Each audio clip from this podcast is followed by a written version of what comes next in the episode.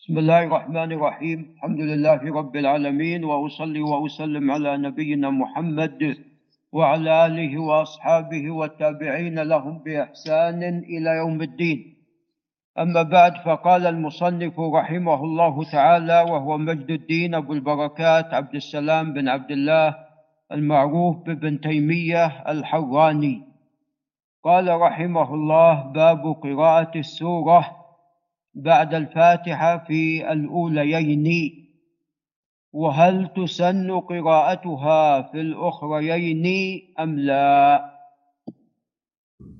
فيشرع للمصلي أن يقرأ بعد الفاتحة وذلك عندما يكون منفردا خلف الإمام في صلاة سرية. وأما الجهرية فعليه أن يستمع كما تقدم لقراءة إمامه.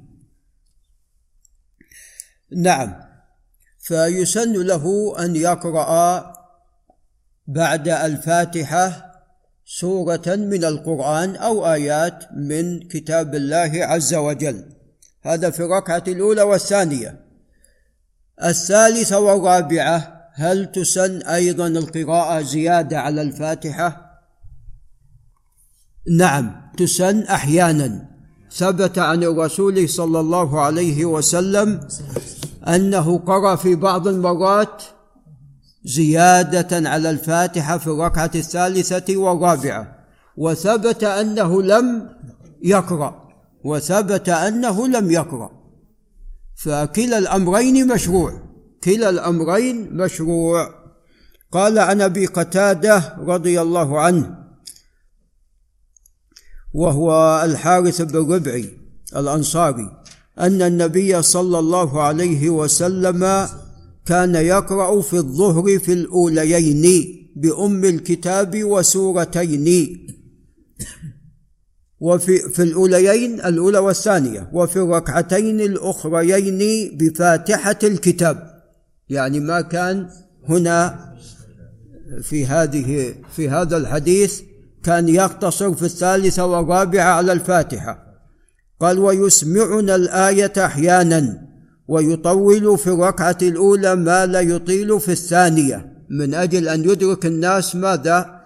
الصلاة. فالسنة أن تطيل في الأولى ثم الثانية أقل ثم الثالثة أقل وهكذا. وهكذا في العصر وهكذا في الصبح متفق عليه. قال ورواه أبو داود وزاد قال فظننا أنه يريد بذلك أن يدرك الناس الركعة الأولى. هذا عندما كان يطيل في الأولى. ونعم يعني حتى الشخص يذهب إلى البقيع يقضي الحاجة ويتوضأ ويأتي وهو لا زال في الركعة الأولى عليه الصلاة والسلام. قال وعن جابر بن سمرة رضي الله عنه قال عمر لسعد. قال عمر بن الخطاب رضي الله عنه لسعد بن أبي وقاص رضي الله عنه. لقد شكوك في كل شيء حتى الصلاة. والمقصود بهم أهل الكوفة وأهل الكوفة قلما كانوا يرضون عن أحد. نعم. فأش فالخطأ منهم لا من سعد رضي الله عنه.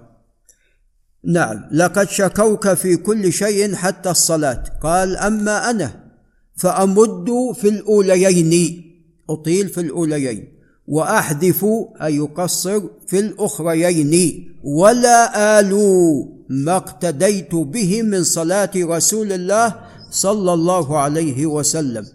قال صدقت. قال عمر صدقت. ذلك الظن بك أو ظني بك متفق عليه. طبعا يعني هم كما تقدم هؤلاء بنو أسد هم الذين أخطأوا. نعم. وحتى قال شخص منهم قال إن لا يخرج لا يقسم بالسوية ولا يخرج ولا ولا يعدل في القضية ولا يخرج في السرية. سعد فاتح العراق. كيف ما شهد بدرا. ما ما يخرج في السرية ولا يقسم بالسوية. فهذا خطأ فهذا غير صحيح.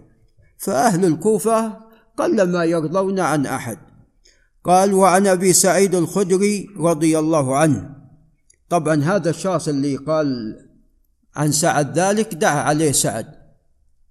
دعا عليه بأن يطيل الله عمره ويعرضه للفتن فطال به العمر وكان يتعرض للجواري في السكك. نعوذ بالله. ويقول مفتون مفتون نعم استجاب الله عز وجل لدعوة سعد فيه. نعم فيه. نعوذ بالله.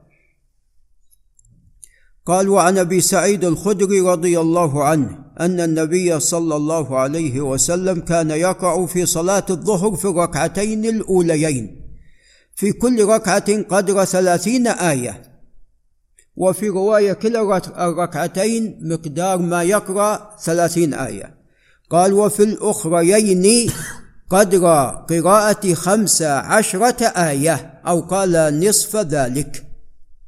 إذا كان يقرأ في الثالثة والرابعة ولا ما يقرأ؟ يقرأ. خمسة عشر آية. قال وفي العصر في الركعتين الأوليين. هذه الأول الظهر. العصر في الركعتين الأوليين في كل ركعة قدر قراءة خمس عشرة آية. يعني على النصف من القراءة في الظهر. فلعل أبو إبراهيم ينتبه صلاة الظهر هي أكثر الصلوات إطالة بعد الفجر. بعد الفجر هي أكثر الصلوات إطالة. نعم. قال في كل ركعة قدر قراءة خمس عشرة آية وفي الأخريين قدر نصف ذلك. يعني يقرأ في الأخريين أيضا زيادة على الفاتحة. قال رواه أحمد ومسلم. ولعل نقف عند هنا. هذا وبالله تعالى التوفيق.